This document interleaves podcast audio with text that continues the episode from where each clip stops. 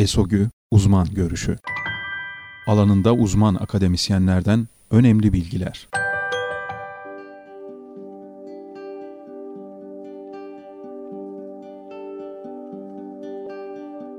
ESOGÜ sesli yayınının bu haftaki konusu epilepsi hastalarının pandemi sürecindeki riskleri.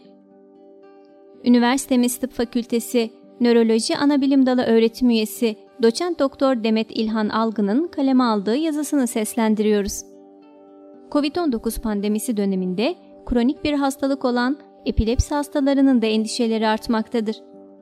Covid-19'un akciğer ve kalp tutulumu dışında merkezi sinir sistemi, periferik sinir sistemi ve multisistemik tutuluma neden olduğu da artık çok iyi bilinmektedir. Epilepside COVID-19'a yakalanma ve şiddetli geçirme riskiniz eğer ek bir kronik hastalığınız, bağışıklık sisteminde bozukluk ve buna yönelik tedavi alma durumunuz varsa artar. Epilepsi dışında kronik hastalığınız yoksa yakalanma riskinizde bir artış olması beklenmemektedir.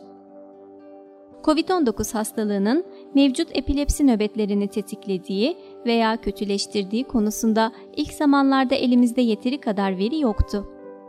Fakat COVID-19 geçiren epilepsi hasta sayımız arttıkça gördük ki COVID-19 enfeksiyonu epilepsi nöbetlerini ve epilepsi nöbetlerinin şiddetini artırabiliyor. Ayrıca daha önce epilepsi hastalığı olmayan fakat COVID-19 geçiren hastalarda epilepsi nöbetleri olabiliyor. Bu dönemde epilepsi hastalarının koronavirüs için verilen ilaçları takip eden hekimlerinin kontrolünde ilaç etkileşimine girmeyecek ilaçları alması önemlidir.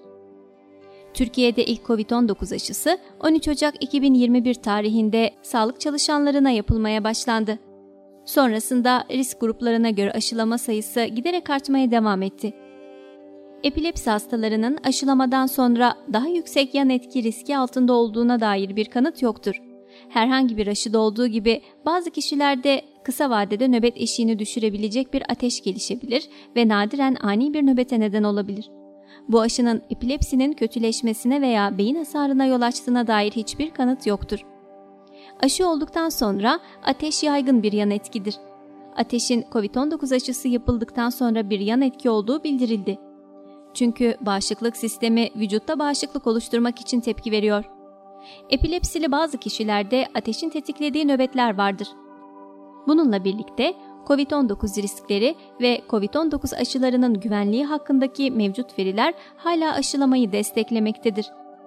Parasetamol gibi ateş düşürücü ilaçların aşı sonrası alınması riski azaltabilir.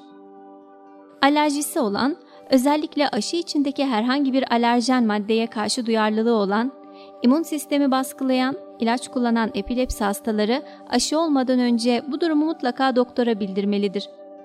Uluslararası Epilepsi ve Savaş Derneği ve Dünya Sağlık Örgütü özel bir engel olmaması durumunda aşı ile korunmayı önermektedir.